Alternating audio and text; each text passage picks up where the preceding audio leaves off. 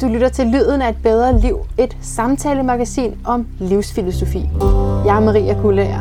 Jeg har brudt med forestillingen om, at der findes bare én rigtig måde at leve på. Lyt med, hvis du vil have inspiration til at perspektivere og undersøge dine overbevisninger om dig selv og om verden. Du skal vide en ting. Du er så ubegribeligt, ubeskriveligt og uigenkaldeligt ønsket. Lige her, lige nu. Velkommen til Lyden af et bedre liv, podcasten Sushi Lacour Dollens. Hej, Hej. Maria. og din tak hund. for det. Og din hund, Ja, Filippo, lille Filippo. Ja. som vi måske bliver afbrudt af, men det er okay. ja, det kan være. Han skal have mors øh, opmærksomhed. Jeg skal, jeg skal prøve at lade være at, grine, hvis år. han, han er fire og et år. Og han kan allerede Han kan allerede manipulere moren. og honke en bamse. Det var det, jeg tænkte på. Ja, ja, ja. Jeg kom til at grine frygtelig meget af lige før. Nå. det er hans sexlegetøj. Ja, og hvor har han lært det fra? Jamen, det, det det, det har han faktisk gjort lige siden han var lille. Altså, jeg fik ham som valp. Og så havde jeg købt nogle, øh, altså nogle tøj, dyr, Ja, legetøj, altså dyr til ham. Og så gjorde han det helt af sig selv. Men jo større de var, jo bedre. Så fik han sådan en naturlig øh, udløsning hver dag. ja. Og jeg tænkte faktisk siden på, at det er egentlig mærkeligt, at der ikke er nogen, der har opfundet sextoys til animals endnu.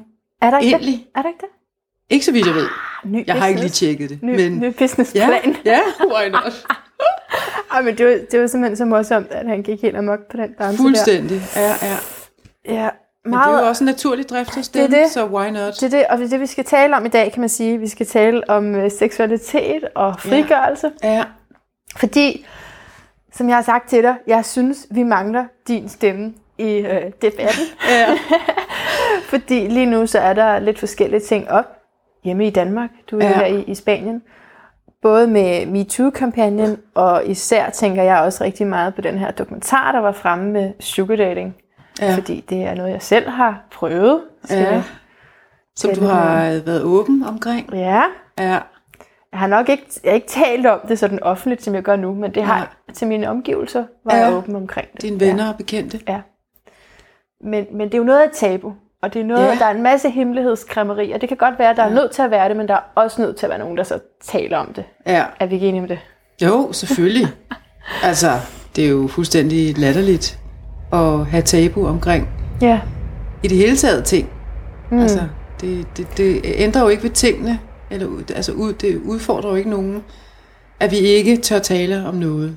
Altså, Men har det konsekvenser at udlevere den del af sig selv, mener du? Altså, jeg tænker også bare ved at tale om det. Altså, har du oplevet, at det har konsekvenser? altså først og fremmest, så vil jeg sige, at det her, bare hele ordet, for eksempel konsekvens, Ja. for mig at se, øh, har, har, når jeg er blevet stillet nogle spørgsmål igennem årene, som jeg har fået mange gange, om det nogensinde har haft konsekvenser, at jeg øh, skabte mig selv en pornokarriere. Og det første, jeg, jeg, jeg, jeg, jeg svarer, det er, jamen prøv at høre, du har allerede lavet det ord med negativitet. Og det er som om, at når vi, når vi nævner det ord i dag, Ah, konsekvens, så er det allerede negativt lavet. Ja. Og, men, men, den oprindelige øh, betydning af ordet konsekvens, du kan jo godt have en positiv konsekvens. Men konsekvensen i sig selv er, er, er en det. reaktion på en aktion. Altså det er et resultat af noget, der er blevet gjort. Uanset om det er godt eller dårligt. Øh, men det kommer jo an på, hvordan du vælger at håndtere de konsekvenser, det Ja. har for dig. ja. Øh, hvordan, hvordan, øh, altså, hvordan håndterer du det? Altså, man kan sige, hvis, hvis altså, vi forestiller os, at journalisten stiller mig spørgsmålet på en anden måde. For eksempel kunne han måske finde på at sige, har du haft nogle dårlige oplevelser i kraft af, at du valgte at, at være pornostjerne, som jo i sig selv var et kontroversielt valg, dengang du gjorde det? Ja, For eksempel. godt spørgsmål. Ja. Øh, ja, det har jeg. Han kunne også spørge mig, har du haft nogle positive oplevelser i kraft af det Ja. valg, du tog dengang, som var et kontroversielt valg ved at være pornostjerne? Ja, det har jeg. Ja. Ikke? Ja. Så selvfølgelig har det haft konsekvenser. Men man kan jo sige, det hele handler jo om, hvordan jeg vælger at håndtere de reaktioner, Ja. ja. som jeg nu selvfølgelig efter, at jeg træffede det valg dengang, som nu er jo 20 år siden, jeg startede. Ikke? Jo. Det har da fuldstændig ændret mit liv Ja. Altså, jeg ved da ikke, hvordan mit liv ellers ville have været, hvis jeg ikke havde gjort det. Så har jeg Men selvfølgelig har- haft et andet liv. Men du har altid været enormt eventyrlysten. Nu har jeg jo læst din bog, Ja. Katja Kine, Søndens By, Ja, fra 2002, 2002 Ja. Og, og, blev, og blev så til e-bog og lydbog her for nylig. ja, Øhm, og der kan man læse, at du har altid haft den der lyst til, at, ja, at livet skulle være anderledes. ja. Det vidste jeg fra meget, meget du, tidlig alder. skulle, du skulle være fri, og Ja, det skulle ja. ikke være på den der almindelige, en almindelig arbejdsrutine. Nej, det, det, det, det var jeg simpelthen ikke interesseret i. Altså, det vidste jeg allerede, da jeg var, da jeg var teenager. Ja. Men jeg anede simpelthen ikke, hvad det var, jeg skulle arbejde med. Nej. Men du ved, jeg, jeg gik ned og købte den der, øh, hvad kan jeg blive? Ja. For at kigge, jamen, der må være nogle øh, input, noget inspiration, jeg kan få. Det er også det, man får at vide, man skal. Ja, jo. Op i den og jeg bog, tror, og det havde jeg hørt et er. eller andet sted. Ikke? Ja. Så tænkte jeg, okay, men jeg giver det en chance. Ja. Og købte den bog og kiggede den igennem flere og flere gange, igen og igen og igen. Ja. Og der var simpelthen ikke nogen af de her jobbeskrivelser, som jeg synes, jeg kunne se mig selv i. Og det, der provokerede mig allermest, kan jeg huske, det var, at jeg følte, at alting var så defineret. Altså, jeg følte, det var mig, der skulle leve op til at være på en bestemt måde, en bestemt rolle, der passede til samfundet. Øh, og jeg følte det nærmest, var, det var modsat. Altså, jeg, jeg kunne bare mærke, jamen, jeg har lyst til at skabe mit eget, altså min Ja. egen identitet, mit eget job. Jeg vil gøre det på min egen måde. Mm. Ikke? Jeg, havde bare, jeg, kunne, jeg kunne bare mærke en, en, kraftig modstand mod at skulle være noget bestemt. Og det er jo så der, man kan sige, at frigørelsen kommer ind. Nu sagde det her, det handler om seksualitet og frigørelse. Det der, Ja. det er frigørelse. Ja, det er det da i allerhøjeste grad. Så kunne jeg godt tænke mig at læse noget op, som har mere med sex at gøre. Ja, Fordi fra din bog, se, det, det er midt i, hvor du beskriver pornomiljøet i Los Angeles. Der står sådan her. For mig var det utroligt befriende, at man i pornomiljøet i LA ikke følte, at man var involveret i noget forkert og forbudt, men arbejdede sammen med andre frisindede og cool mennesker, der havde det godt med at lave porno. Der var en vis følelse af os mod dem af, at pornobranchen var imod resten af verden. Uden for det lukkede pornomiljø vidste man, at mange gerne ville have en ned med nakken, fordi de mente, at man gjorde noget forkert. Og det forstærkede outsider-følelsen, følelsen af at være uden for det normale borgerlige samfund i kraft af sit job. ja. Ah, Jamen, det er jo sagt meget præcist i virkeligheden, ikke? Ja. Altså, fordi altså, jeg følte helt fra starten af, som sagt, hvis vi tager det her fra, som jeg lige har fortalt, hvor jeg er teenager, og ikke, og ikke øh, kan, kan, jeg føler ikke, at jeg passer ind nogen steder. Øh, og jeg har en helt anden fandenivoldsk energi ind i mig, som har, simpelthen bare har lyst til at være rebel. Øh, og jeg kan ikke vente med at komme ud i det virkelige liv. Altså for eksempel, da jeg stoppede i skolen. Jeg kunne simpelthen ikke vente med at komme ud i det virkelige liv, og kaste mig ud i, i alverdens nye, ukendte eventyr. Og alt det, som var ikke almindeligt, alt det, der ikke var repræsenteret levbesteg, øh, småborgerlighed, øh, altså pensionsopsparing, ægteskab, du ved, øh, job fra 8 til 4, hente børnene hver aften, skulle hjem og lave aftensmad, vende og dreje hver en, en, en, en 25 øre. Altså alle de der ting, jeg kunne slet ikke have det. Altså jeg kunne simpelthen ikke have det. Så for mig at se handlede det i virkeligheden om, at jo længere væk jeg kan komme fra det der levbestegsliv, jo bedre. Så på en eller anden måde, så vil jeg også sige, at, at når jeg sådan kigger tilbage, giver det rigtig god mening for mig i virkeligheden, at jeg valgte nok noget af det mest kontroversielle, en pige, en kvinde ja. kan vælge. Ja, For jeg ja. kunne simpelthen ikke finde på noget, der var mere vildt. nej. Så, så det var altså det var en kombination af, at jeg ville væk Ja, fra noget, ja. men det var også en kombination af, at jeg var draget imod det, der var så radikalt anderledes. Ja. Og man kan sige, at pornobranchen i sig selv, altså for mig at se, var det ikke pornobranchen i sig selv som sådan, jeg synes, der var interessant. Altså, øh, det jeg synes var interessant, var, at det var et, et selvfølgelig et fuldstændig anderledes miljø, som de fleste mennesker øh, ikke kommer i nærheden af. Ja. Øh, og det var det, der var dragende. Og det var dragende at være sammen med nogle mennesker, som også havde, som jeg skriver, en anden definition af grænser, hvor grænser gik, Ja, øh, som jeg følte øh, en umiddelbar samhørighed med. ja, Øh, selvom jeg selvfølgelig ikke kendte nogle af de her mennesker i forvejen, men jeg vidste bare, at der ville jeg passe bedre ind, fordi Her kunne du være fri. der var det ikke defineret. Ikke? Ja, mm. det var ikke defineret på samme måde, ligesom da jeg læste de der forskellige jobbeskrivelser, som jo allerede var defineret. Altså, så, og det var lidt den samme følelse, jeg havde. Ikke? du prægede altså, meget din egen karriere. Ja, altså, og det havde jeg behov for. Ja, Jeg, jeg havde virkelig behov for at skabe noget nyt øh, ud fra, altså, fra scratch, kan man Ja. sige. Ikke? Ja. Så er der selvfølgelig nogen, som også har spurgt mig øh, ofte, okay, fint nok, så langt så godt, men hvorfor lige øh, pornobranchen? Ja, Ikke? ja. Det er også blevet spurgt om. Ikke? Ja. Altså, kunne du ikke bare have valgt at blive bjergbestiger, for eksempel? Det var også farligt, ikke? og kontroversielt og alt muligt. Ja. Øhm, og det kan man selvfølgelig sige, at, at altså sådan i princippet kan du godt sige, at det er det samme. Altså når det er noget, der er ekstremt i sig Ja. selv. Det var det, jeg var tiltrukket af. Ja. Men øh, altså, der spiller selvfølgelig, min, min, min seksualitet spiller selvfølgelig en kæmpe rolle øh, ind her. Fordi jeg følte mig meget, jeg altid følt mig meget sikker i min seksualitet. Der, der var jeg ikke i tvivl om, at det kunne jeg godt. Mm. Altså, jeg kunne måske godt have været i tvivl om, du ved, dengang, hvis jeg skulle finde på et eller andet job, jeg skulle arbejde med, ville jeg kunne det? Altså, Ja. ville jeg kunne lære det? Ville jeg kunne leve mig ind i det? Ville jeg kunne mærke, at det var mig? Altså, så, så Men det seksuelle område, der var du ikke usikker. der var jeg det, ikke det, usikker. Det kunne du godt. Nej, det er jo ja, faktisk i modsætning til så mange andre, Ja, og også andre, ikke? Som, som er sådan lige, uh, kan jeg nu det? Ja. Og stå der foran en mand nøgen. Ja. altså bare det. Ja. Uden kamera. ja, Kan være... det vidste jeg, øh, at det, det ville jeg sagtens kunne gøre. Det havde jeg en, en klar følelse af. Selvom jeg jo aldrig nogensinde har lavet, altså, jeg har jo aldrig lavet noget inden. Nej, du gjorde det jo bare. Jeg gjorde det jo bare Ja. direkte, ikke? Ja. Jeg har jo ikke været øh, Du er ikke siden i trænet pige, på den måde. eller Nej. øh, alt sådan noget der. Nej. Altså, jeg, jeg, jeg, jeg tror, jeg har altid været meget, øhm, skal man sige, altså, mine valg har altid været meget radikale. Ja, Altså, jeg har altid været meget sådan, enten eller. Altså, enten gør jeg det big time, eller også gør jeg det ikke. og du gik all in. Ja, ja. Jeg godt, fordi jeg kunne godt lide den følelse. Jeg har altid godt kunne lide det rush ved fuldstændig at skifte miljø ud, øh, så, så man virkelig kan mærke den forandring. Fordi Ja. det, det, har altid, det, det fik mig til at føle mig levende. Og det var også det, jeg ville væk fra. Jeg ville væk fra det her forudbestemte, øh, definerede øh, liv, hvor jeg vidste, hvordan altså, hver, hver, altså, hver dag skulle, skulle foregå. Ja. Det, det, det synes jeg var en killer. Altså, det var ikke inspirerende for mig. Nej. Nej.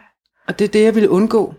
Mm. Og, og så siden, at du har, altså så har du arbejdet, kan man sige, meget inden for også det felt sidenhen, og haft et undertøjsfirma, ikke? Og har fokus, altså som du siger, det har haft den indflydelse på dit liv efterfølgende, ikke? At det, du er kommet til at blive et talerør også for seksualitet. Jo, jo, men der kan man godt tale om, kan man sige, altså det er jo klart nok, at selv dengang, det var jo ligesom før internettet, øh, Ja. hvor, altså det var jo, det var jo dengang, hvor, hvor man lavede øh, stadig VHS-bånd.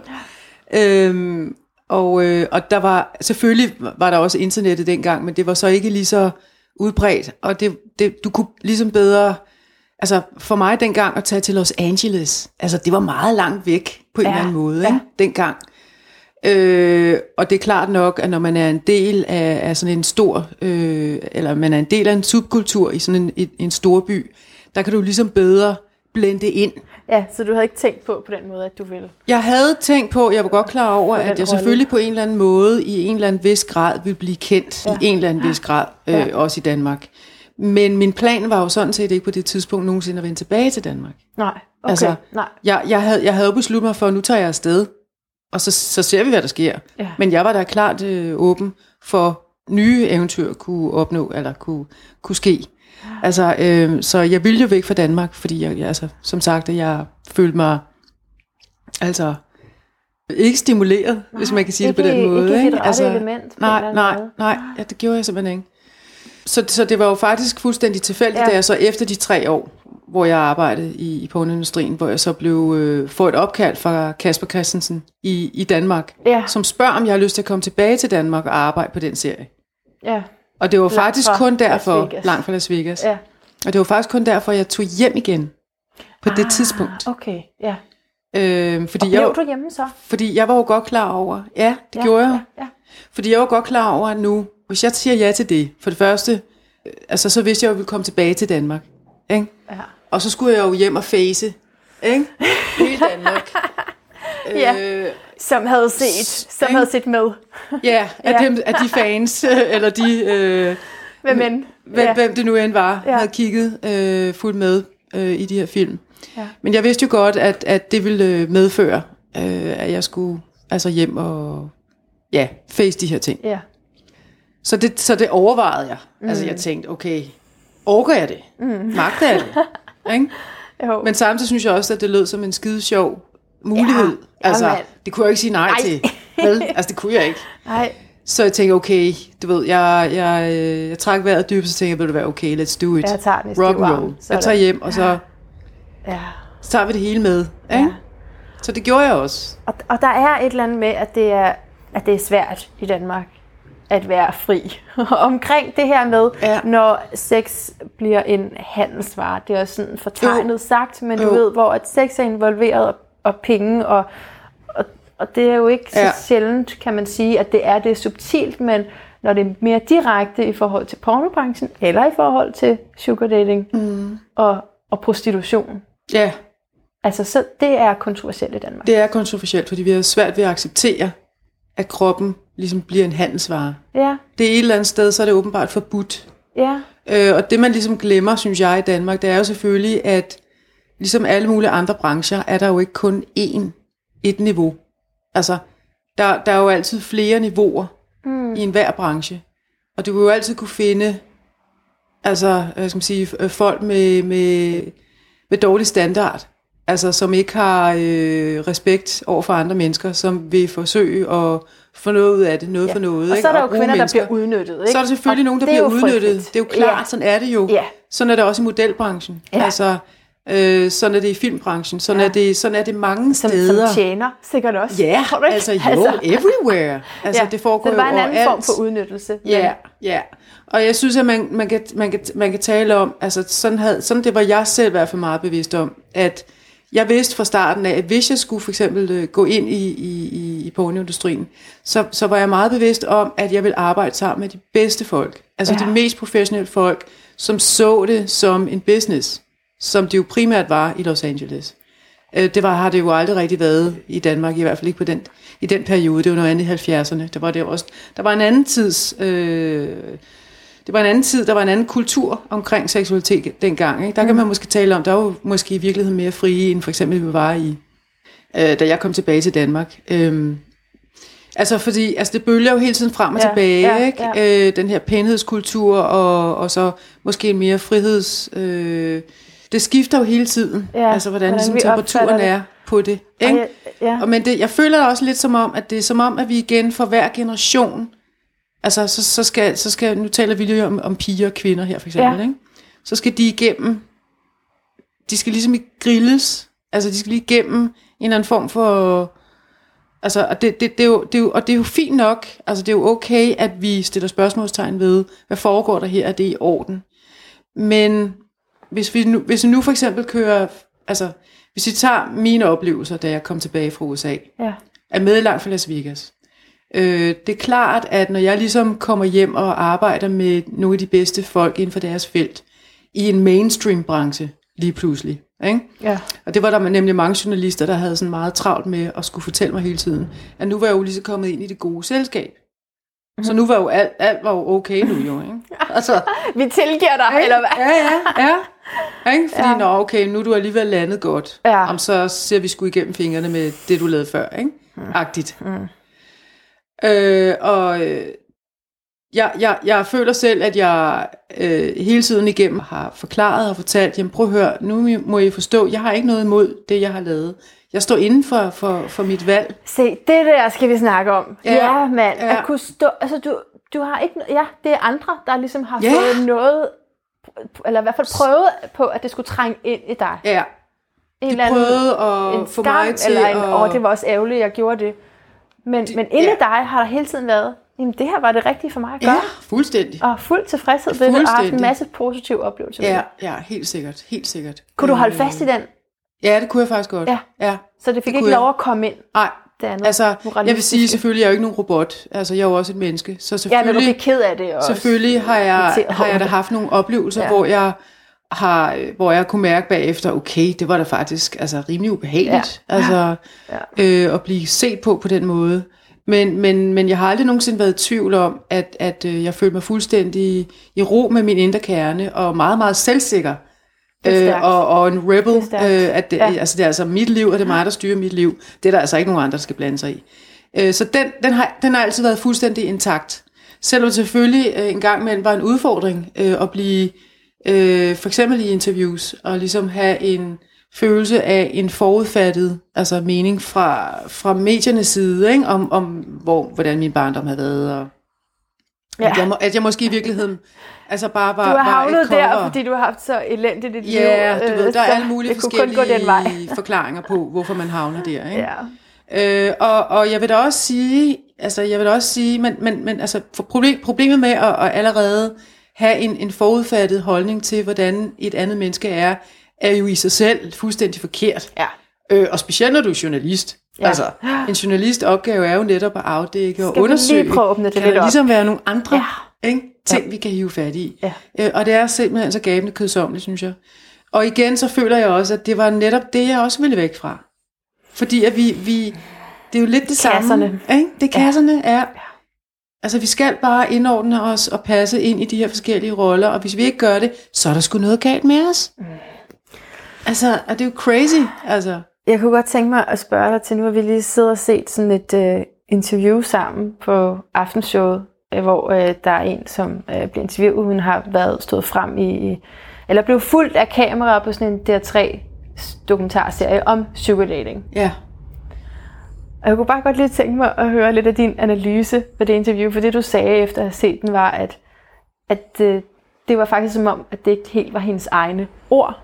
Ja. Eller det kunne du godt frygte i hvert fald, fordi det ligesom blev forventet, at hun ikke var okay med det. Med at være sugar dater, med at, altså sugar dating, som er at tage et vist beløb, eller tage imod Ja. gaver for så at have sex, eller ja. Ja. en form for samvær med mænd. Altså, man kan sige, altså hun var jo på det her uh, sugar dating site. Ja. Øh, nu forklarede hun jo så til journalisten, at hun selv kun havde gjort det to gange. Altså, det var kun to mænd, hun Nå. havde været sammen med, faktisk. Hvor hun sagde, at nogle af hendes andre bekendte øh, veninder øh, brugte det fuldstændig som, altså, øh, at de simpelthen tjente penge på det. Det er jo sådan, de som ren sig. prostitution. Ja. Hun synes jo ikke helt selv, at hun var i den samme situation som, som de andre. Nej. Øh, fordi hun havde haft et forhold til to mænd, og den ene af dem var jo blevet forelsket i hende Ja. som hun ikke var interesseret i. Men det var jo så endt med nu, at hun så havde mødt den anden, og de så var blevet kærester. ja. Og nu Så har hun besluttet sig for, ja, så endte lykkeligt. Hollywood-afslutning. Og nu har hun besluttet sig for, at han spurgte hende så journalisten, om hun ville gøre det igen, øh, være sugar dater, og det kunne hun overhovedet ikke forestille sig, at hun nogensinde ville gøre igen. Og så siger hun så det her med, selv, jeg tror ikke engang han spørger hende, hun siger selv, at hun har jo fundet ud af, der er jo en grund til, hvorfor hun blev sugar dater, og det er jo fordi, da hun var meget ung, der har hun været ude for nogle seksuelle øh, grænseoverskridende oplevelser, og det var derfor, at hun besluttede sig for at være sugar dater. Og hun siger det på en måde, som om, jamen det er jo selvfølgelig helt naturligt, at sådan hænger det sammen. Ja. Og vi har intet hørt om det i øvrigt i dokumentarserien. Der er intet, der bliver ikke snakket om Og han spørger slet det. ikke ind. Er Og, og, ikke rigtig Og i interesseret. øvrigt spørger han slet ikke ind, journalisten. Nej. Han siger bare, nå, nå ja, okay, Nå ja, så er det sådan. har 40 Ikke? sekunder tilbage. Ja, ja. Ja. ja. Ikke? Jo. ikke noget med, nå, er det okay? Mm. Men lad os høre noget mere om det. Og, altså, så, så det er, ja, det virker fuldstændig som om, at det, det er noget, hun har øh, accepteret, at det er sådan, det hænger sammen. Så det er en anden sandhed, eller nogle andres sandhed, Ja, som hun gør til sin egen lige ja, der. ja. Og man kan måske sige, at det kan have noget at gøre med, hun er stadig relativt ung. Hun har haft nogle oplevelser, som hun stadig er i proces med. Ja. Og, og hvem vil ikke gerne ligesom accepteres af fællesskabet og Ja. af samfundet?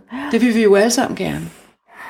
Øh, så, så der ligger der sikkert også et eller andet øh, behov i hende, hvor hun gerne vil accepteres. Ja, Altså, så det kan jeg da også godt forstå. klart. Altså, klart. så den følelse kunne jeg da også have dengang. Men hvad kunne, man, hvad kunne den alternative tolkning så være? Hvad, alter, altså, hvad ellers kunne hun gøre, end at svare sådan der? Nu er det jo bare vores analyse af det, og Ja. subjektivt osv. Men, ja. Men hvad kunne man ellers sige, når man blev sat? Jo, altså man kan sige, varme man kan jo sige, der. jo, men man kan jo sige, at, at, at det er jo lidt, øh, øh, lidt stereotypt igen. Altså både hans øh, spørgsmål og hendes svar er jo stereotypt, ikke? Fordi here we go again. Altså hun indrømmer jo sådan set, at hun har gjort noget, som hun ikke kan stå indenfor. Ja. Hun siger jo også, at hun ville aldrig kunne anbefale det til nogle andre. Så hun sidder sådan set og angrer.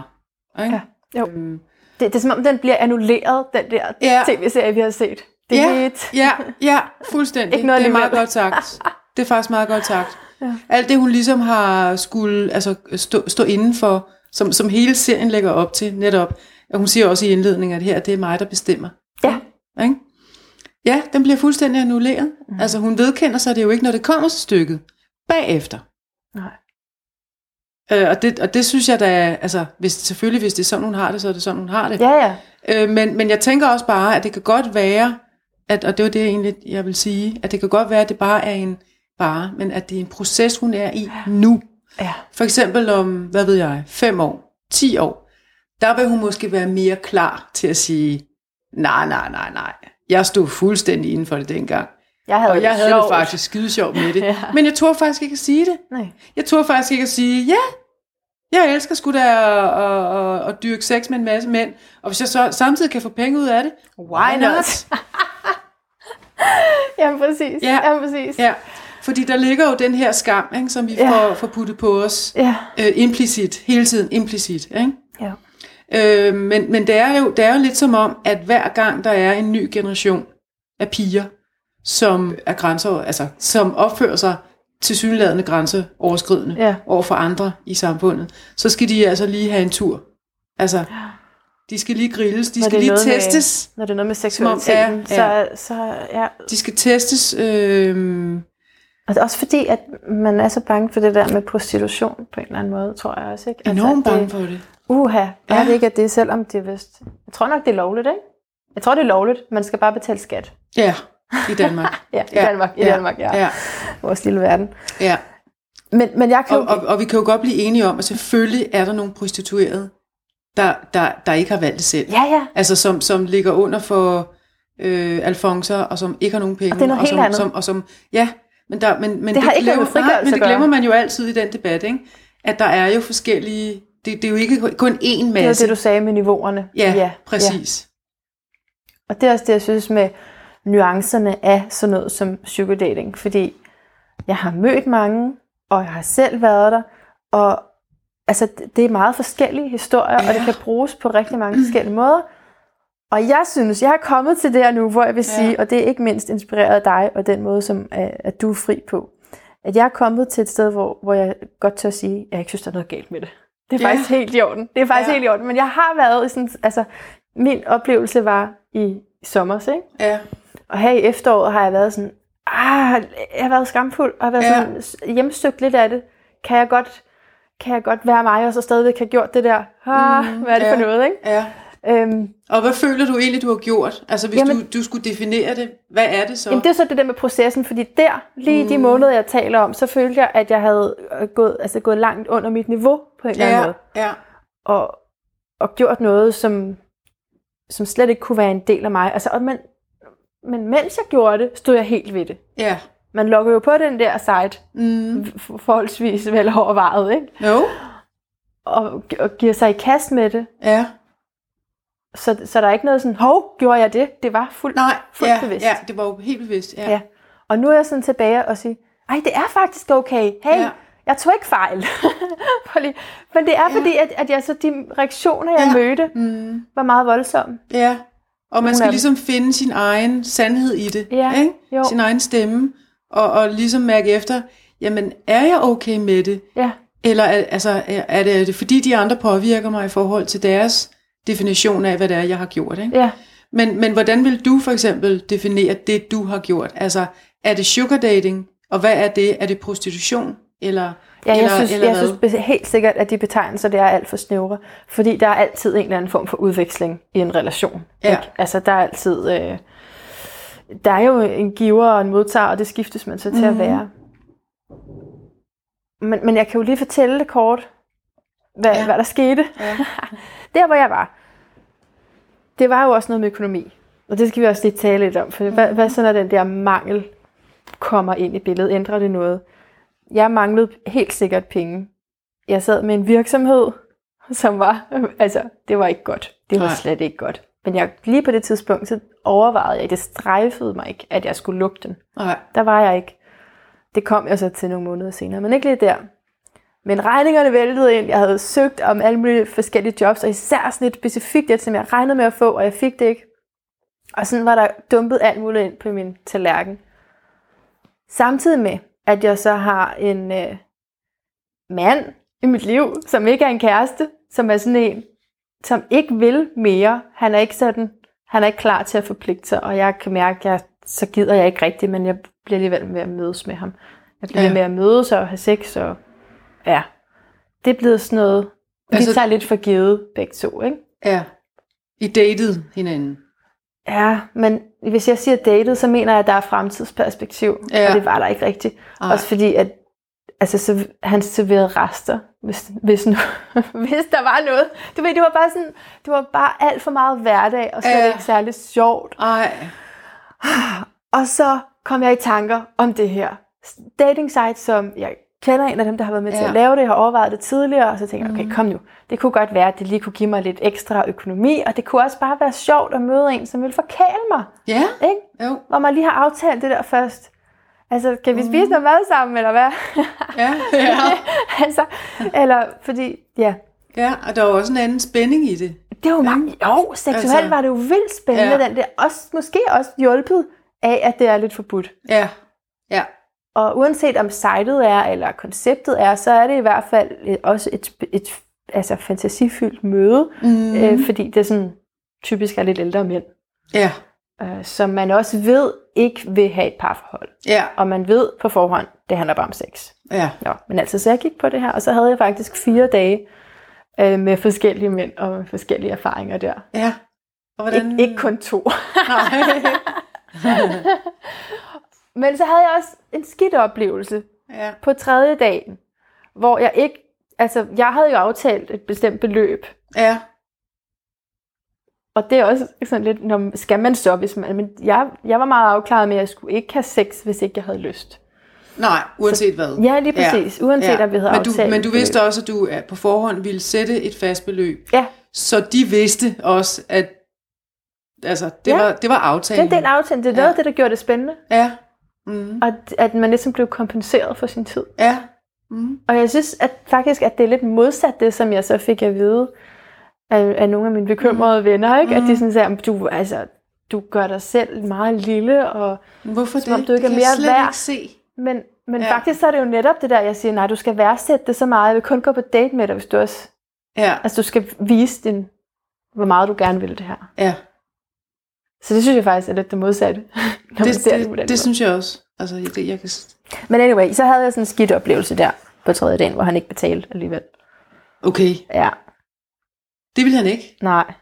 Hvad, hvad, altså, Jamen, jeg, hvordan, øh... fordi så, det, er jo- så skrev vi bagefter, jeg havde ikke helt været, jeg var jo- ikke sådan hård ind upfront. Nej, det var jeg nej, trods pengene først. Ja, Nej, det gjorde jeg jo ikke, det kunne man måske, men så, Hvad var hans argument for ikke at betale alligevel? og jeg kan næsten ikke finde ud af at sige det.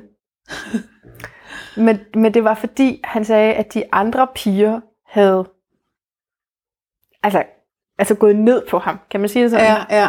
ja. Oralsex. Ja, Ja. og det havde jeg ikke gjort.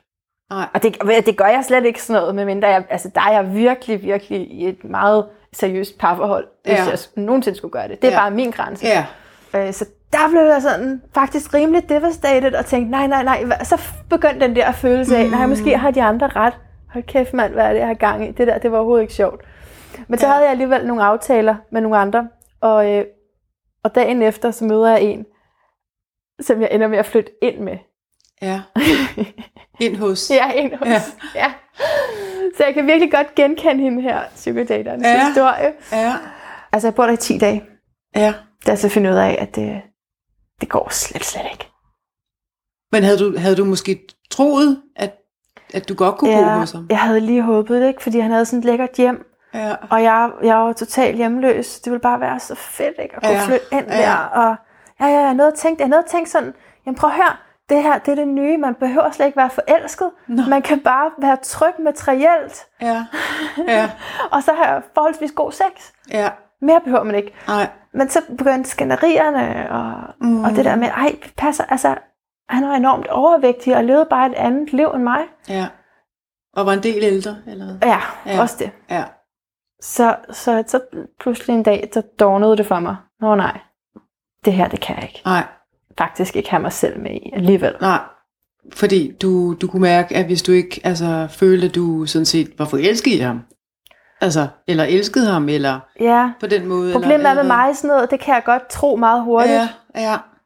Så ja. tænker jeg, ej, det kan jeg, fordi jeg kan sådan tænde det ind i mig selv, mm. så tænder jeg lige på den der knap, så nu er jeg forelsket. ja. Men altså, et skænderi, det er the antidote til det. Altså, mm. det er, så opløses. Ja, hvis der ikke er kærlighed, Ja. for eksempel. Ja. Ikke? Jo, så, så kan jeg næsten ikke klare Nej. de der vrede udvekslinger. Nej. Men, så, øh, ja. men, men så kan man jo sige, hvad, hvad, hvad føler du, at du har lært af, af, af, af, af, den erfaring? Ja, fordi så var det jo netop oplagt bagefter så at gå ud og sige, det var helt forkert, det jeg havde gjort. Og det var også det, jeg lige gjorde i en rumtid, fordi jeg lige skulle fordøje de der oplevelser. Men Ja. man må være ærlig at sige, at det var nogle oplevelser, man også kunne have haft på Tinder. I en eller anden grad, ikke? Ikke med, at, at personen så ikke øh, betalte, hvis vi taler Ej, om fordi den. jeg tænker, der er jo ikke penge. ikke betalte, men du Øh, kunne godt have en dårlig seksuel oplevelse, som mm. du var ked af, du havde gjort. Altså, Ja. så, men, men jeg begyndte sådan at tænke, nej, det er fordi, jeg rodede mig ind i det der, og det var også helt forkert. Men, men, men er det ikke interessant, fordi jeg tænker, nu siger du, øh, at det kunne lige så godt have sket på Tinder. Ja. Men hele forskellen i, her i ligger jo netop, at der er pengene Ja. imellem. Ja. Ikke? Det er jo det, der ændrer hele forestillingen og forventningerne fra altså de her forskellige fordømmelser fra folk, som ikke, som ikke synes, det er cool. Hvis nu du har været på Tinder ja. Ja. og har mødt en, og havde flyttet ind hos ham nogle dage, så havde, så havde din, altså så havde miljøet omkring dig nok ikke reageret så kraftigt. Nej, det er rigtigt. Det er det, jeg mener. Ja, helt sikkert. Ja, det er det, du mener. Altså, ja, det ændrer jo sikkert. hele billedet Jo, af, hvordan folk ser på det. jo, det var det. Ikke?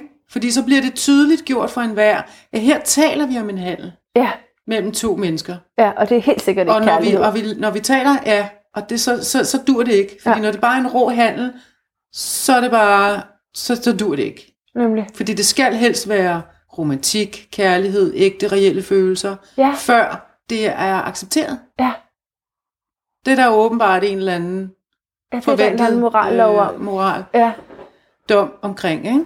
jo, det er helt øh, rigtigt. og det der så er trist, synes jeg, ved, ved de her reaktioner fra de her øh, mennesker, som øh, synes jeg øh, virkelig er fordomsfulde, det er jo, i stedet for bare at være åben omkring det, som du for eksempel har været, øh, netop ved at, at prøve dig frem, og udforske det, og erfare det på egen krop og egen sind.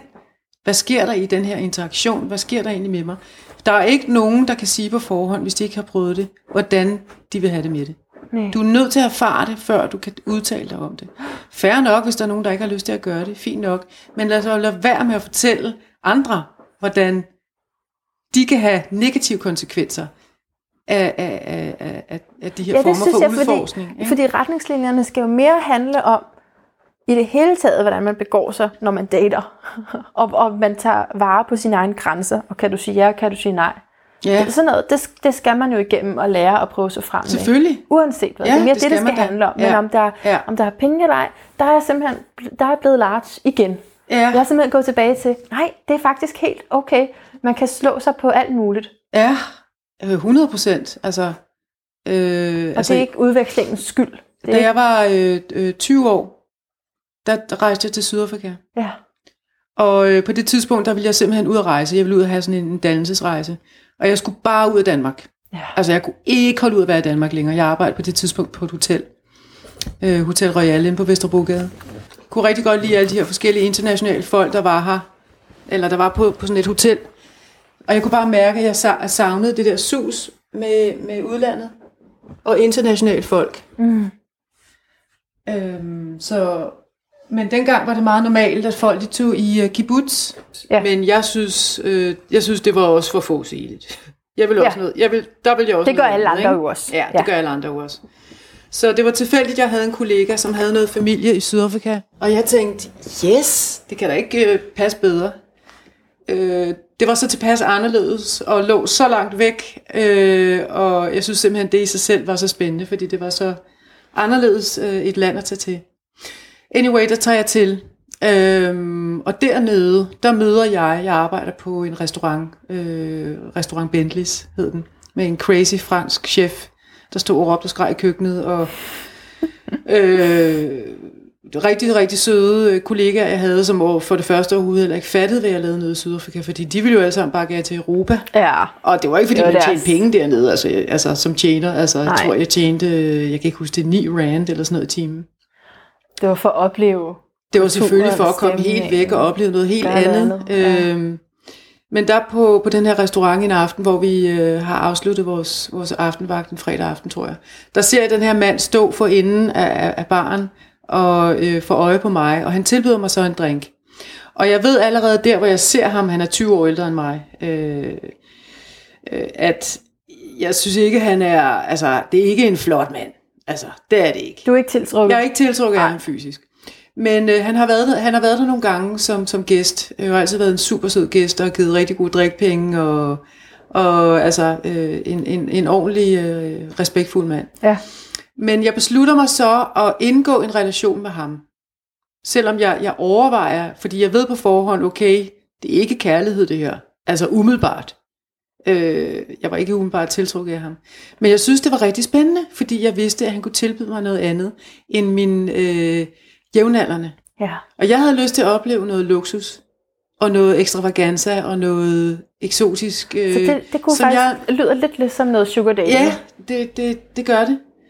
Øh, så, så, så det startede jeg med. Altså, så jeg indledte et forhold med ham. Og Men tror du ikke også, det er enormt almindeligt, at den, at den der form har hele, altså den hele tiden Jo. været der? Den har Jo. bare været uorganiseret, jo, ikke? nemlig. Fordi der var ikke... Og jeg, ikke altså, i talesat, Præcis. Og man kan sige, det var jo en, tilfældig, en tilfældighed, at, at jeg at oplevede de lige det. mødtes. Ja. Og, og, og, og, og lod mig rive med af det. Ikke? ja. Øh, men jeg er sikker på, at hvis jeg havde været ung i dag, så havde jeg 100% også været på et sugar dating site. Ja. Altså det, det er jeg Ja. ikke i tvivl om. Øhm, men jeg synes, det smukke faktisk, når jeg sådan, øh, der skete så alle mulige forskellige ting. Vi kendte hinanden et par år. ja. Øhm, Havde I men- det forhold i et par år? Ja, Var det så længe? Ja, ja okay. sådan on and off. Okay. On and off, ikke? Øhm, eller halvandet år, ja, det Ja. ja. omkring. Men jeg tog så med ham rundt i verden. Han var businessman og arbejdede noget med olie. Øh, et eller andet, jeg fandt aldrig ud af 100% hvad det var. Det var Noget med olie. Ja. Øhm, Så er du forholdsvis rig. Han var forholdsvis Ja. ja. ja, og han var englænder. Øhm, mm. Men pengene var så også mere værd nede i Sydafrika dengang, ikke? skal man da også lige sige. Klart, klart. Men altså, i hvert fald vil jeg sige, at vi lærte jo se- selvfølgelig hinanden rigtig godt at kende, og vi havde altså virkelig, virkelig fantastisk kommunikation. At vi, vi talte rigtig godt sammen. Og det er så også og det er det, som jeg synes var interessant, når Ja. jeg tænker tilbage på det forhold, Ja. vil jeg faktisk sige, at han har faktisk været en af mine bedste venner. Mm. Fordi vi dannede et virkelig, virkelig godt venskab. Det startede ganske vist som noget helt andet. Men vi endte faktisk med at være rigtig gode venner. Så selvom han sponserer dig, og det udefra kan se sådan lidt fordækt ud, så har I et rigtig godt venskab, Ja. og det er, det, Ja. det er sådan, det er at være på indersiden af det. Sådan var det i hvert fald med ham. Ja.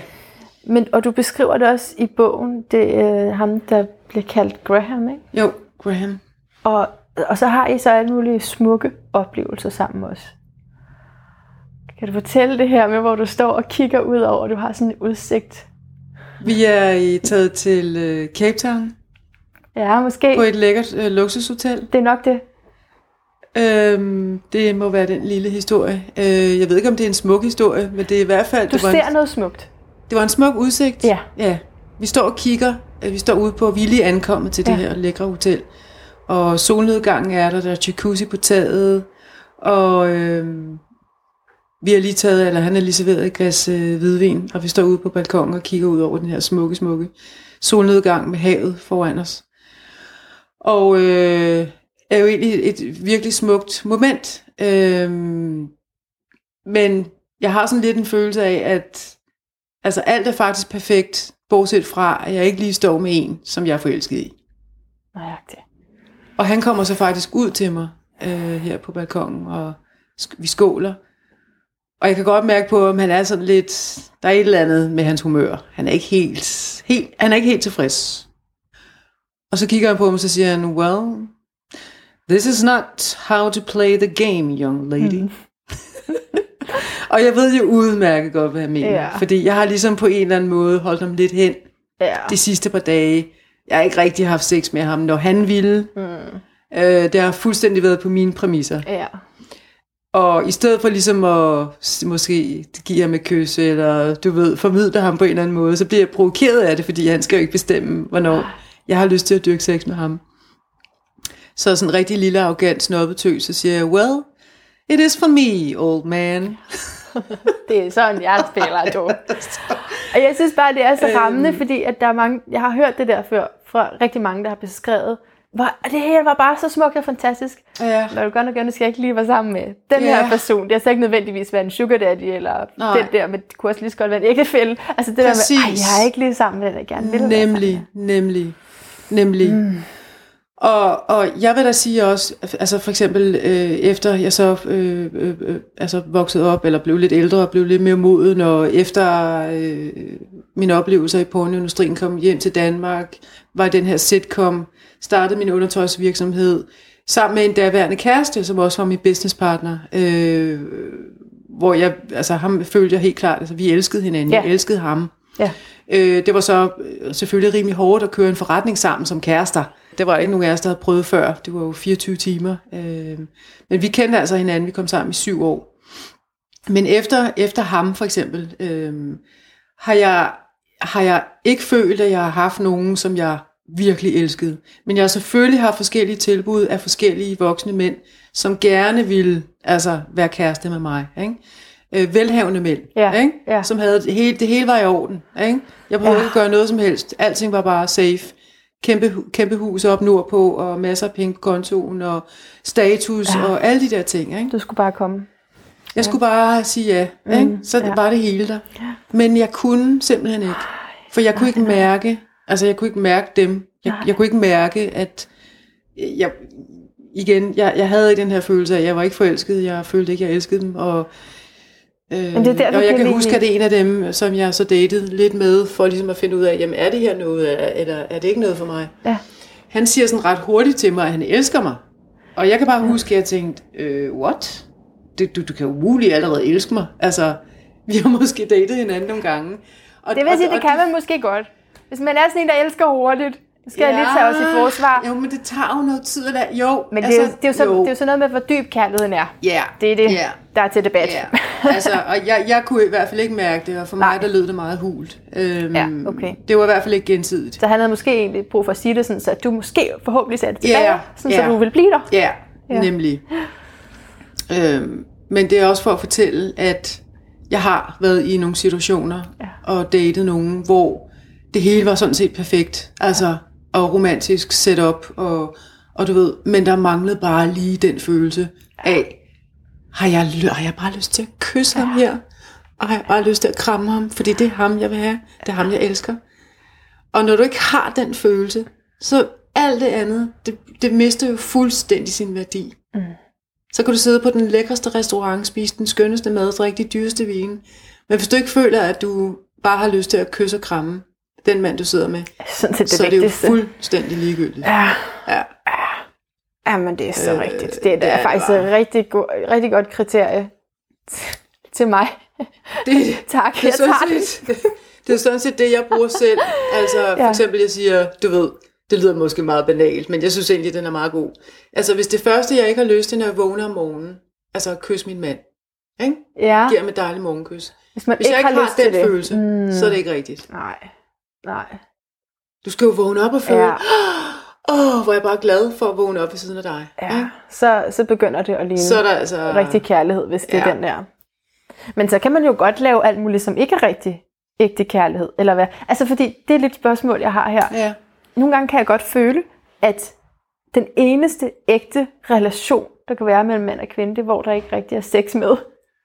Det, det godt, det, du, nu ser du meget farvet på mig. Men det kan, Ej, kan jeg du, ligner spørgsmålstegn, tror det, jeg. ja, det gør du faktisk i formen, det kan jeg godt se. Altså, men fordi så snart der sådan er sex med, så kan det også blive uægte. Så hvis jeg ville have dig, u- uanset om der var sex eller ej, Ja. så ved vi, at det her, det er ren kærlighed. Ja, og nu taler du med, øh, nu taler du om for eksempel, når man lige har mødt hinanden, altså i starten af et forhold, eller hvad? Eller når man lige har mødt øh, Det kunne det for eksempel godt en være. person. Ja. Ja, for så, så ved man jo, hvad er, det, hvad er det, vi er ude efter med hinanden. Så snart der er sex, øh, så er det også smart at være tilfredsstillet mine behov. Og så bliver det egoistisk. Mm, men så bliver det jo også bare unaturligt. Altså fordi, hvis man virkelig har lyst til hinanden, så har man jo også lyst til hinanden, altså øh, kropsligt, fysisk. Du kunne, du, altså, du kunne godt have lyst til det andet menneske, mentalt og i sindet og i sjælen. Men du har jo lyst til at smelte sammen med personen fysisk også. Og hvis man ikke har den seksuelle lyst. Til, til vedkommende? Ja. Jamen altså, jeg kan jo kun tale ud fra mig selv. Øh, og hvis jeg ikke føler, at jeg har lyst til vedkommende seksuelt, så, så kan jeg ikke se ham som en, en, en mulig øh, partner. partner Nej. i et forhold eller Nej. et ægteskab. Nej. Det kan jeg simpelthen ikke. Mm. Jeg, jeg er simpelthen nødt til at bare hans duft, for eksempel. Den skal jeg, den Det er skal jeg så virkelig kunne lide. Den duft. Og den, den synes jeg er godt. Altså, den, altså der, jeg har datet nogen også, hvor jeg ligesom, jeg kunne bare ikke, øh, jeg kunne ikke øh, lide hans duft, altså for eksempel. Så kan jeg ikke. Mm. Altså, så allerede så stopper det der. Så på den måde kan man sige, at det seksuelle gør det faktisk endnu mere ægte. Ja, Fordi man har lyst til ja hinanden. selvfølgelig. Ja. Ja, det vil jeg da sige. Men når jeg spørger, det er, jo også, det er jo nok også fordi, at sex så nogle gange altså, er blevet handlet med i gåseøjne, ikke? Eller, øh, så, så, altså man kan fake det. Man kan selvfølgelig også fake kærlighed, men man kan også fake den der seksuelle akt. Sådan. Kan du følge mig i det? Øhm, jeg har meget svært ved at fake, lad mig sige det det rigtigt? Ja, og selv dengang jeg var øh, pornoskuespiller, var jeg faktisk øh, virkelig god til at give slip. Ah, Og sådan, nyde så, det. sådan, så det var ægte? Det var sådan, så ægte. Det, det var Det var det. tilfredsstillende ja, for dig? det var tilfredsstillende for mig. Det var jo ligesom det, der var kunsten for mig også. Det var at kunne være i stand til faktisk at være i det moment, hvor du har altså alle de her kameraer og 20 mennesker, der står og kigger på dig samtidig. Kan du opnå, kan du i den situation, den mest altså intime og ekstreme situation, er det muligt for dig at give slip og give dig hen samtidig? Wow. Det var egentlig lidt det, jeg udfordrede mig selv med. Ikke? Og nogle gange, klart, var det nemmere end andre gange. Øhm, så for mig i hvert fald, det er egentlig sådan, jeg, altså jeg føler i hvert fald, jeg altid naturligt ønsker at, at, at stræbe efter, det er altså at kunne være mig selv så meget som muligt, og være så meget som muligt autentisk. Altså, at være mig selv så meget som muligt i det, jeg er i. Mm. Men selvfølgelig har jeg da sikkert, øh, altså selvfølgelig har jeg da også faket en gang imellem, når jeg har været sammen med en eller anden, og lød som om måske, at jeg fik måske øh, flere orgasmer, end jeg egentlig fik, eller altså, selvfølgelig mm. har jeg da været i nogle situationer, hvor jeg, altså, Ja, men Ja, nej, men det er godt. Men, men altså, jeg tror, jeg, når jeg spørger, så er det også fordi, det sådan, øhm, det er både fantastisk, at en mand har lyst til mig, ikke? Det er vidunderligt ja, at, møde, og det kan man møde, hvis man går ind på sådan en sugar dating site meget hurtigt, meget, så det er mm. ganske bekræftende, at der er sådan en underskov af lystne mænd, der bare er klar mm. til at på dig. Men det er også en lille smule tavligt. Det er også en lille smule sådan, jeg har også mere end mit køn. jo, Altså, det altså, det, kan, der jeg- sådan- det kan jeg sagtens sætte. Så på en eller anden måde, så det ikke lige så ægte, fordi hvis, hvis du virkelig så mig, og jeg tror, det var det, var det der Det gjorde det med godt. det, det sidste forhold, der hvor jeg boede i 10 dage, at, at han så ikke mig. Altså, Nej, det var ikke det mig jeg pludselig, godt. det var bare en eller anden. Det forstår jeg Det godt, og det. det, her, det, er jo, det er jo noget, jeg naturligvis også har været igennem. Ja. i kraft af, at jeg blev kendt som et sexsymbol. Ja. For eksempel, jeg kommer tilbage til Danmark. Altså, det var jo de færreste mænd, der ikke kiggede på mig som et sexsymbol. Det, og det var jo ikke mig, de så. Det var Nej. jo, det var jo det er pornostjernen ambivalent. Katja Kine. Det er ambivalent, det er både tak, men Men nej tak. ja, jeg er også ja. meget mere. Ja, så, Ja. ja. selvfølgelig. Ja. Helt sikkert. Det, kan, det, altså, det forstår jeg. Mm. Øhm, altså for mig var det bare sjovt i starten. Ja. Altså, at jeg spillede den her rolle. Men, men efter nogle år, altså blev jeg også træt af den rolle. Ja. Også fordi man kan sige, i takt med, altså jeg følte for eksempel, efter min, øh, min ekskæreste, jeg gik fra hinanden, ham jeg havde undertøjsforretning med, øh, havde jeg ikke en kæreste i mange år. Altså, hvor jeg var single. Ja.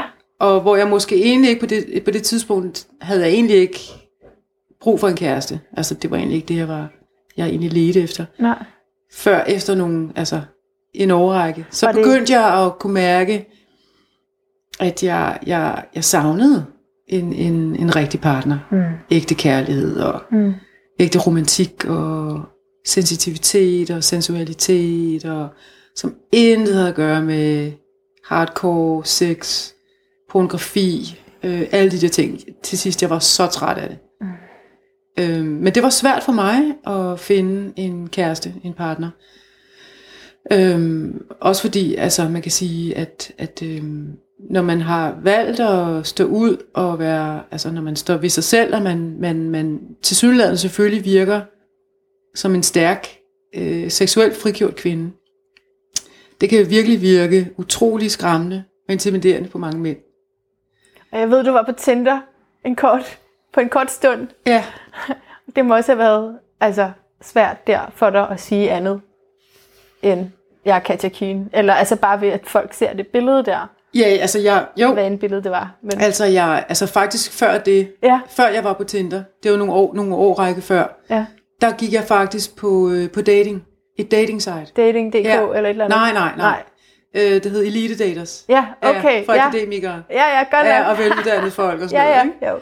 Men der, først der lavede jeg, kan jeg huske, en, øh, jeg tror jeg først der lavede et, en profil uden billede.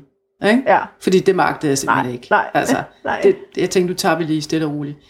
Men, men, men alligevel så fik jeg sådan en følelse af, jeg har ikke lyst til at rende rundt og skulle være fordækt.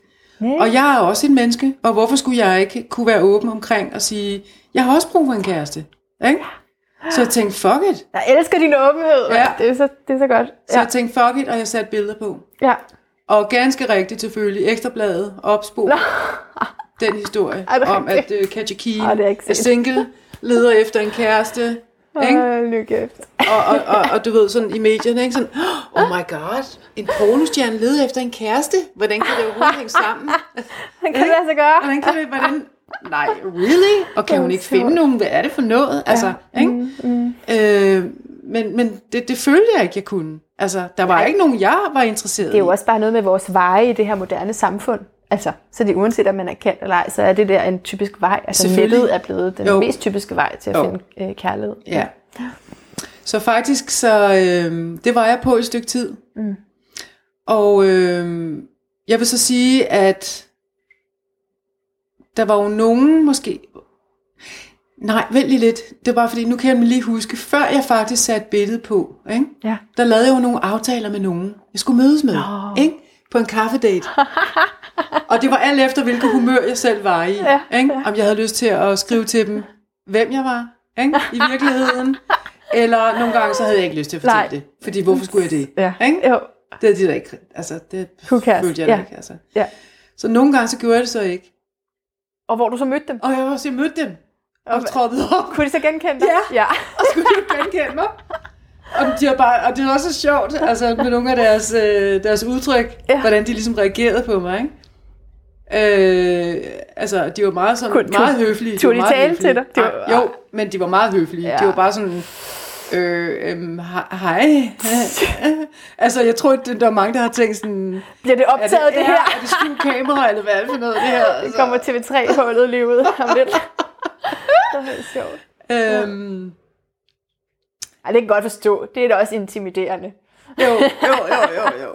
Altså, det havde jeg det så lidt sjovt med, øh, lige Ja. ja. den periode der. Øh, jeg har lyst til at udfordre de der ting. Mm. Øhm, men, men, men jeg kan også huske, for eksempel, var jeg på date med en mand, som, jeg, altså jeg går ud fra, øh, ja, han vidste godt, hvem jeg var. Men på det, i den periode kan jeg huske, altså han var en mand, der havde to børn, for eksempel boede i hus også, og det hele var rimelig tjekket og sat og sådan noget. Og var ude og spise middag med ham. Og jeg husker bare, at det eneste, jeg sad og snakkede om hele aften, det var, at jamen, jeg vil bare ud og rejse. Og øh, jeg kunne det ikke være spændende, og så ville jeg gerne Sagde det. du, eller sagde han? Ja, Så sagde jeg du. til ham. Ja. Jeg, lavede, jeg talte ikke om andet end alle de eventyr, jeg gerne ville ud på. For, for lige at teste, for at høre, om han ville med? Nej, nej okay. nej, det var bare det, der det var, dig. det, det var det, der trak mig. Ja. Jeg, jeg, jeg tænkte hele tiden på, at jeg ville gerne til udlandet, og, og jeg vil det, og jeg vil det, og jeg vil det. Ja. Og jeg kunne bare mærke på ham, altså han havde altså to små børn, Ja, og han var bare sådan, der, han øh, var. han sagde ikke noget, men jeg kunne godt forstå, hvis han var lidt forvirret, Ja. ikke? Altså, fordi det var jo trods alt et dating, så Ja. han ledte efter en kæreste. Ja. Øh, men det eneste, jeg sad og tænkte på, det var bare at komme væk derfra, ikke? Altså, mm. det var også lidt synd. Ja, du er ikke den ideelle, den ideelle date på den måde. Nej, sådan når man gerne vil slå sig ned. Ikke rigtig en stemmertype. Too bad. Ja. Ja. Ej, det bliver skisme for hårdt at Så jeg synes, altså jeg må indrømme, jeg synes, der var nogle år der, hvor jeg bare tænkte, oh my god, altså jeg finder aldrig nogen kæreste i Danmark, altså fuck it. Og må jeg så lige spørge dig om noget? Ja. Fordi nu har du, nu har du fundet kærlighed. Nu spoler vi lige nogle år frem. ja. Og, øh, og det er så i Danmark. Men Nej. jeg har jo mødt din mand, ja. Ja. er blevet gift. Ja. Øh, helt fantastisk, meget, meget lækker. mand. Ja. Må, må man godt sige, ikke? Jo, det meget, må man meget, godt sige. Meget, meget pæn mand. Ja, Og så er han jo amerikaner. ja, Hold nu op. ja. Halv amerikaner, halv chilener. Okay, Ja, for at være helt præcis. Jamen altså. Så Nu er Det bedste fra, fra Nordamerika er det bedste fra Sydamerika. Selvfølgelig. Yes. Intet mindre, intet mindre kan gøre det. Ja. Udover det, så er han kunstner. Ja. Han er spirituel. Han er utrolig intelligent, utrolig vidende. Kunstmaler. Øh, DJ. Skuespiller, sagde du det? Skuespiller. Ja. For eksempel. Og, og, og, mega og cool. vi har utrolig mange ting til fælles, altså sådan mentalt. Ja. Altså vi begge to, vi begge to altid været meget, øh, hvad skal man sige, altså eventyrløsende. ja. Ikke? Det er forudsætningen for at være sammen med dig, tror jeg. Ja, det er det. det ja, det er det. Også, for, ja, også fordi, at, at nogle af de mænd, måske jeg føler, eller jeg har mødt, har jeg følt, altså, de har været smadret søde, det er jo ikke det. Der har der været nogle rigtig søde og galante og i orden. Men, men igen, hvis det bliver for forudsigeligt, Ja. og jeg ved bare, når så skal vi flytte ind i det der hus, Ja. der ligger på øh, Strandvej nummer 23. Og så kan man bruge Og det er ligesom på det. betale af på det. Jeg kan slet ikke, jeg kan ikke have det. Fordi jeg er nemlig nødt til at have den der, øh, den der ukendte faktor, øh, som et, et, en, et, stadig en del af mit liv. Altså, at, at, ikke? Altså, Ja. der, der kan stadig nå at ske Der alt muligt, noget, som som vi ikke ved noget om. Ja, endnu. ja. Ikke? Det der Men- med, at der er en, der vil gå med dig, ikke på Nemlig. rejsen, det synes jeg, altså, det Nemlig. lyder som drømmen. Ja, der. ja.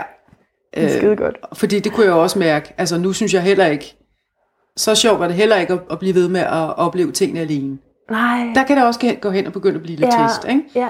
Der er jo ikke noget skønne end at dele det med et menneske, du Tror du det elsker. generelt? Altså at det der altså sugar dating og de her forskellige former, måder at være sammen på, hvor penge er involveret, at det er, det er periodevist. Det og det tror man jeg. egentlig har brug for, det er kærligheden. Så det siger du faktisk. Det tror jeg. Ja. Ja, det tror man jeg. har egentlig brug for den der Ja. faste partner. Men jeg tror, det også er en naturlig proces, eller alle de forskellige processer, vi går igennem. Ja. Og vi søger, og vi undersøger, og vi udforsker.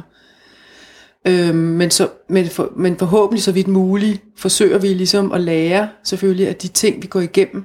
Mm. Og stadig stå ved de ting, som vi i virkeligheden virkelig, virkelig ønsker os. Og ikke gå på kompromis, eller mm. slå os til tåls med, Nå ja, men han er jo også sød nok, og det er da også et flot hus.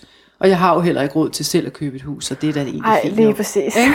Fordi, fordi uanset hvad, så er det bare på lån tid, Ja. ja. hvis vi gør de der ting. Ja, det det er er kun et spørgsmål om tid, før det, det forhold så slutter. Ja. Ikke?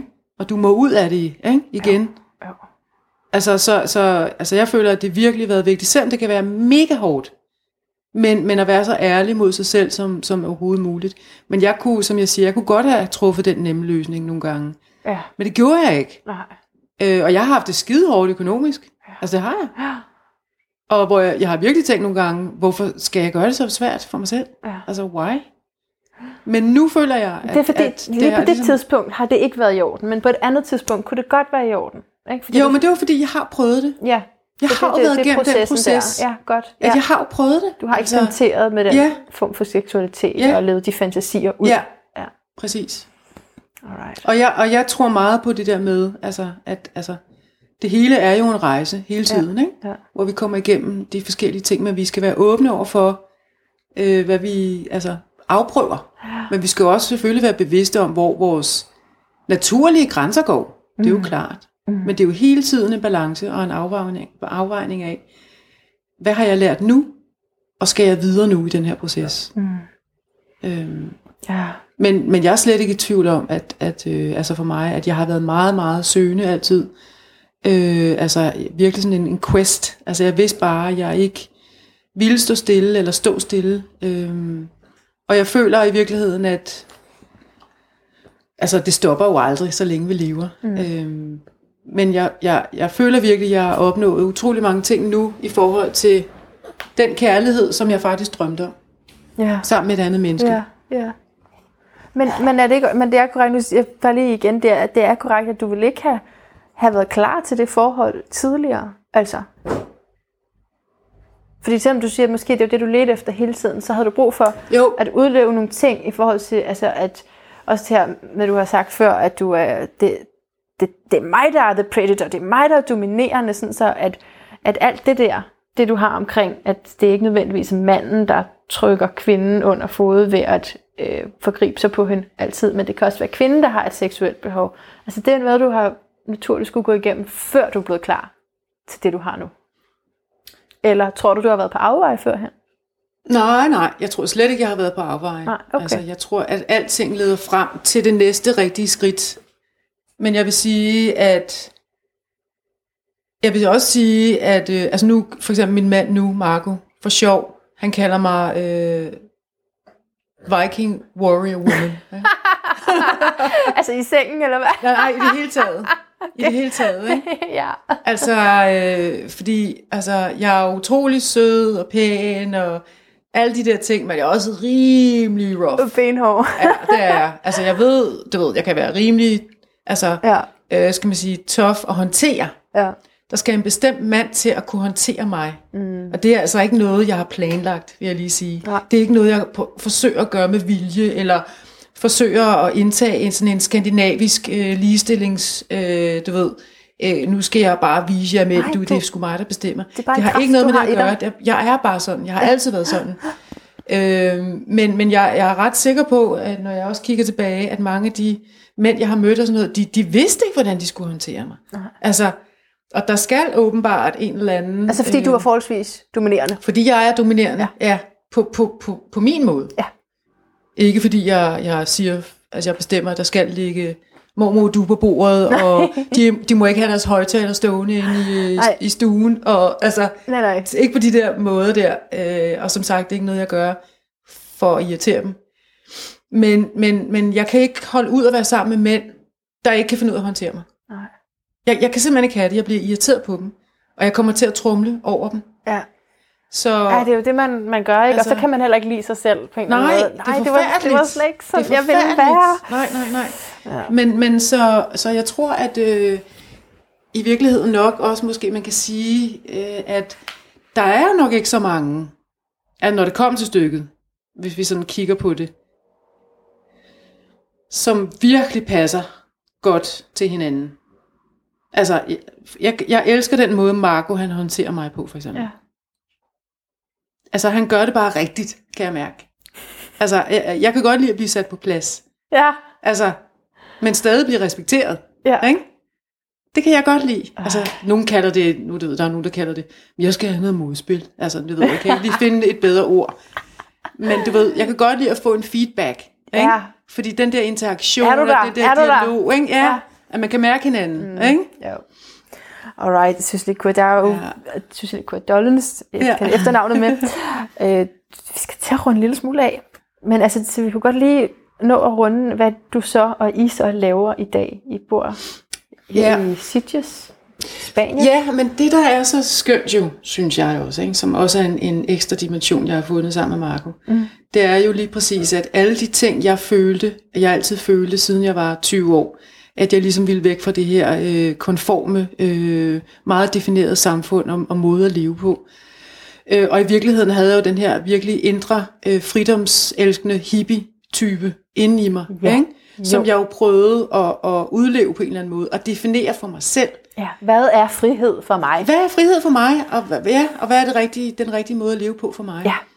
Øh, I møde med Marco, for første gang nogensinde, kan jeg mærke, at jeg har, jeg har mødt en, som har den samme, eller altså lignende øh, syn på, hvordan vi ønsker at leve vores liv. Ja. Og det vil sige for eksempel langt væk fra samtalekøkkener, realkreditlån, øh, vuggestuer, børnehaver, øh, et hus, et bestemt sted, øh, altså du ved, mortgage øh, og, og forbrugersamfundet, og altså alle de her ting, som gør os stressede, mm. og som gør os til, til forbrugere, frem for at være øh, mennesker, som lever øh, altså øh, frit, øh, Ja. og, altså, Åbent og, og, ja, livet. Ja. og så, så vi er begge to utrolig øh, eventyrløsende øh, stadig, øh, og vil ikke definere for meget, fordi så, lukker, så føler vi, at vi lukker af. Mm. Så man kan sige, der, der hvor vi bor nu, for eksempel vi bor i Sitges i Spanien, øh, er indtil videre er midlertidigt, øh, hvor vi har lejet en fin lille lejlighed tæt ved, tæt ved vandet, og der er nogle skønne kvaliteter i det her område, fordi der er, altså vi har turen er tæt på, øh, vi, vi bor rimelig min, min, minimalistisk, øh, og vi, altså vi bruger ikke særlig mange penge, mm. og vi, vi, vi, vi, vi lever egentlig ret enkelt faktisk, ikke? og det er ligesom det vi prøver at leve efter, og at leve Uanset så hvor enkelt så som I muligt. måtte flytte hen Uanset senere, hvor vi så så, er flytter hen. Ja.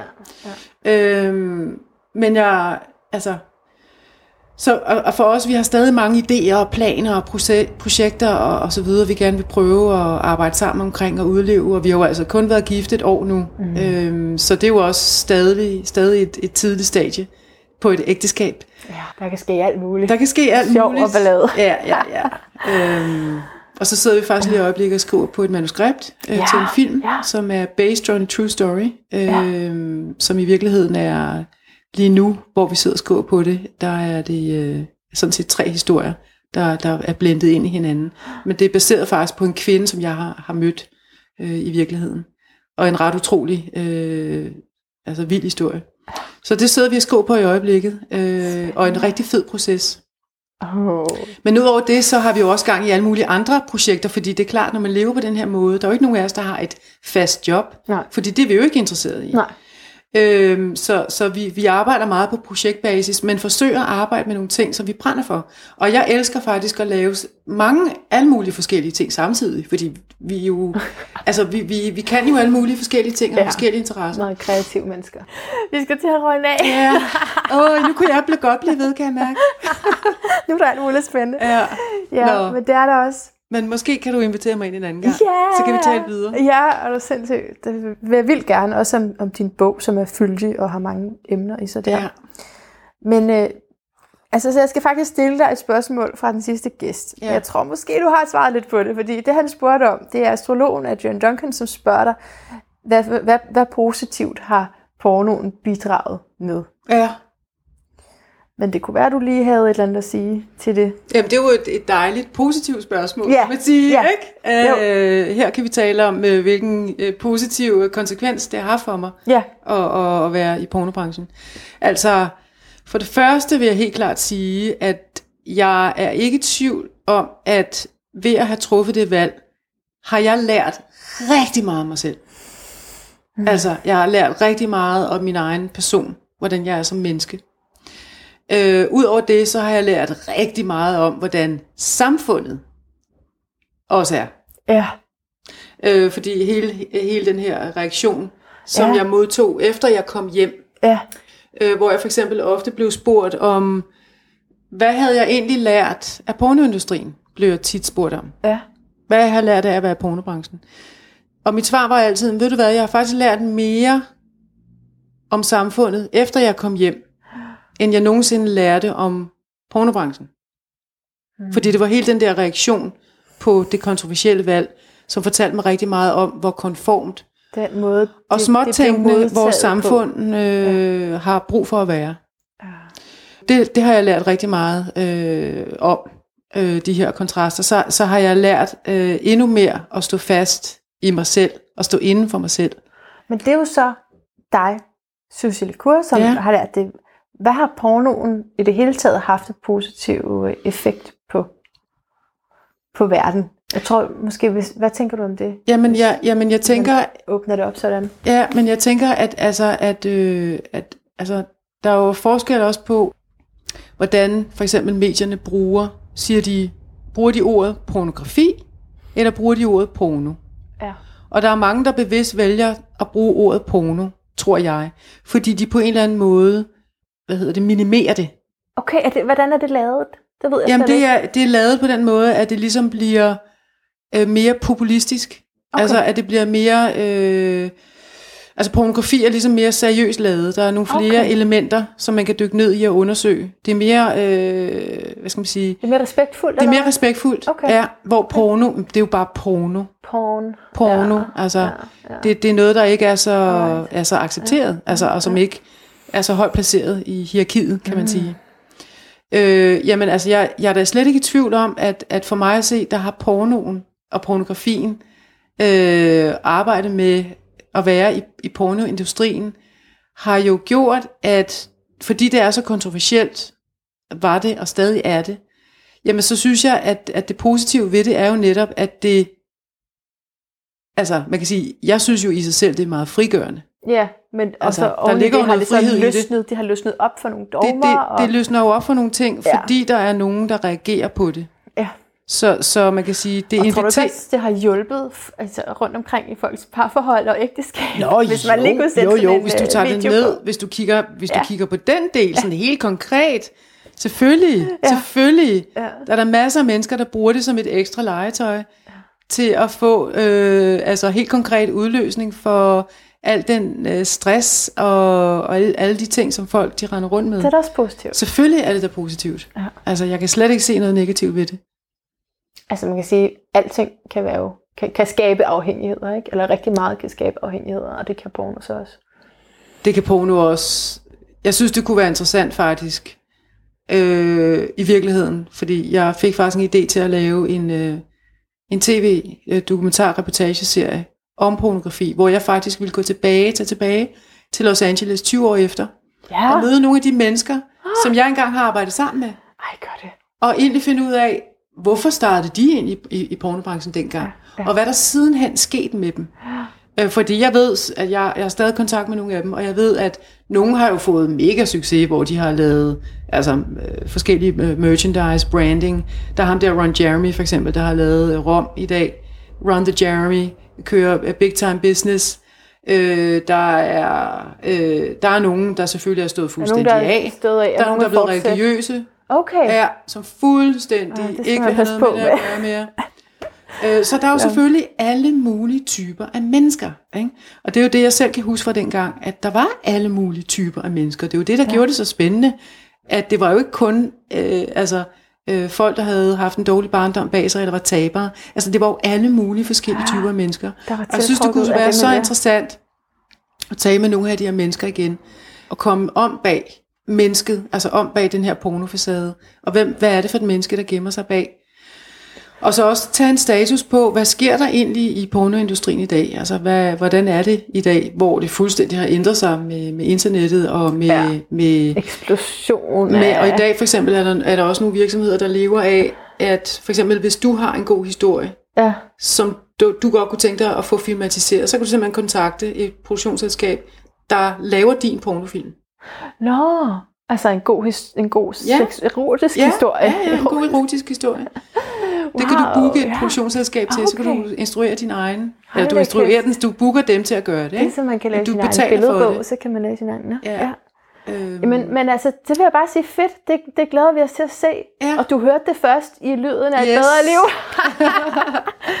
at, øh, ej, det er spændende. Der er flere forskellige øh, filmatiseringer ja, det er der. undervejs. Ja, og så er der jo også den her nye øh, øh, webserie, øh, The Deuce, fra HBO, om Ja. hvordan pornografien startede øh, i New York i 70'erne. Den skal jeg lige følge op på. Som, som, og som skuespillerne, der, der er med i den øh, serie nu, siger de jo, jamen pornografi, jamen det er jo kunst. Nå, hvor godt. Ja, ja, Ja, ja. men det er jo fordi, de selv nu jo har lavet, Ja, ikke? så nu kan de jo godt sige det. Så kan de godt rumme det. Altså, ja. ja, altså det er så, øh, hvad hedder det nu, dobbeltmoralsk. Mm, nå, på den måde. Ikke? Ja. Altså, det er jo dobbeltmoralsk. Ja. Altså, Hvis, man, hvis man en gang har udskilt det, og, der, og derefter... altså hvis du laver det, hvis du laver det på den måde, altså at, at du, du laver en, en filmatisering om pornografi, så Ja. kan det godt gå ind. Nå, Altså, det er jo en- en- en- Okay, det er en det, der er forskellen. Ja. Okay, jeg har ikke lige fanget forskellen. Nej, nej. Okay. Men, men det er en rigtig, det er en ret fed serie. Filmatisering, og så en reel pornofilm. Der Ja. er en forskel der. Ja. Mm, Hvornår er det kunst, og hvornår er det ikke kunst. ja. Ikke? Og du vil helt sikkert sige, at det er kunst. Noget, er, noget er kunst, noget er ikke Ja. kunst. Okay. Men det kan godt være kunst. Ja. Men det er der så nogen, der ikke synes, det kan være. Ja. Ikke? Lad dem om det. Nå, så skal jeg jo egentlig bare lige have to ting. Jeg skal have dit spørgsmål til min næste gæst, og så skal jeg have lyden af et bedre liv.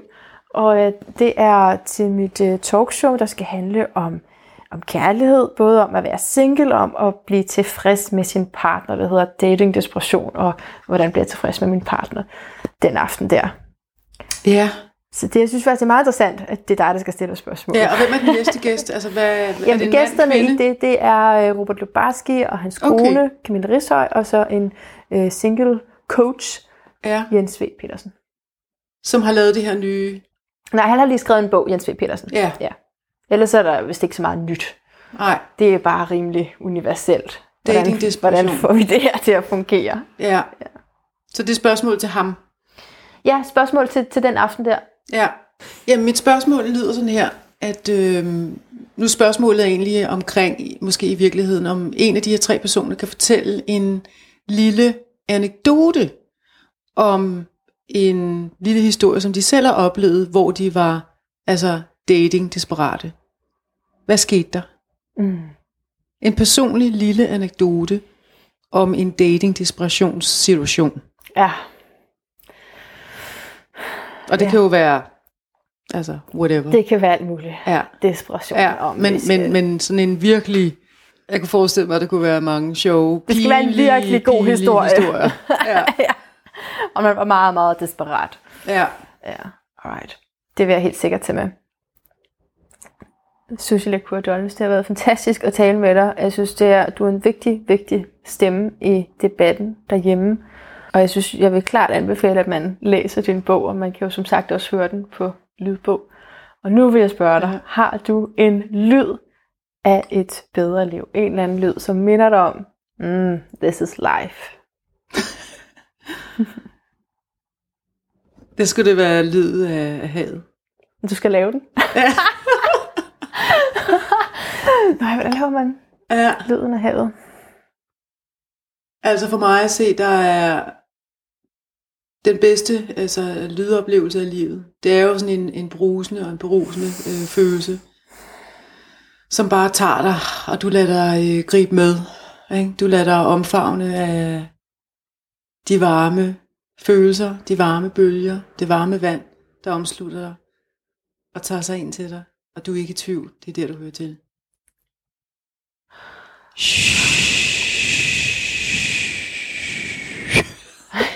Oh, jeg har totalt taget væk til en anden verden. Tusind tak. Det var fantastisk. Det var meget, meget smukt. Selv tak.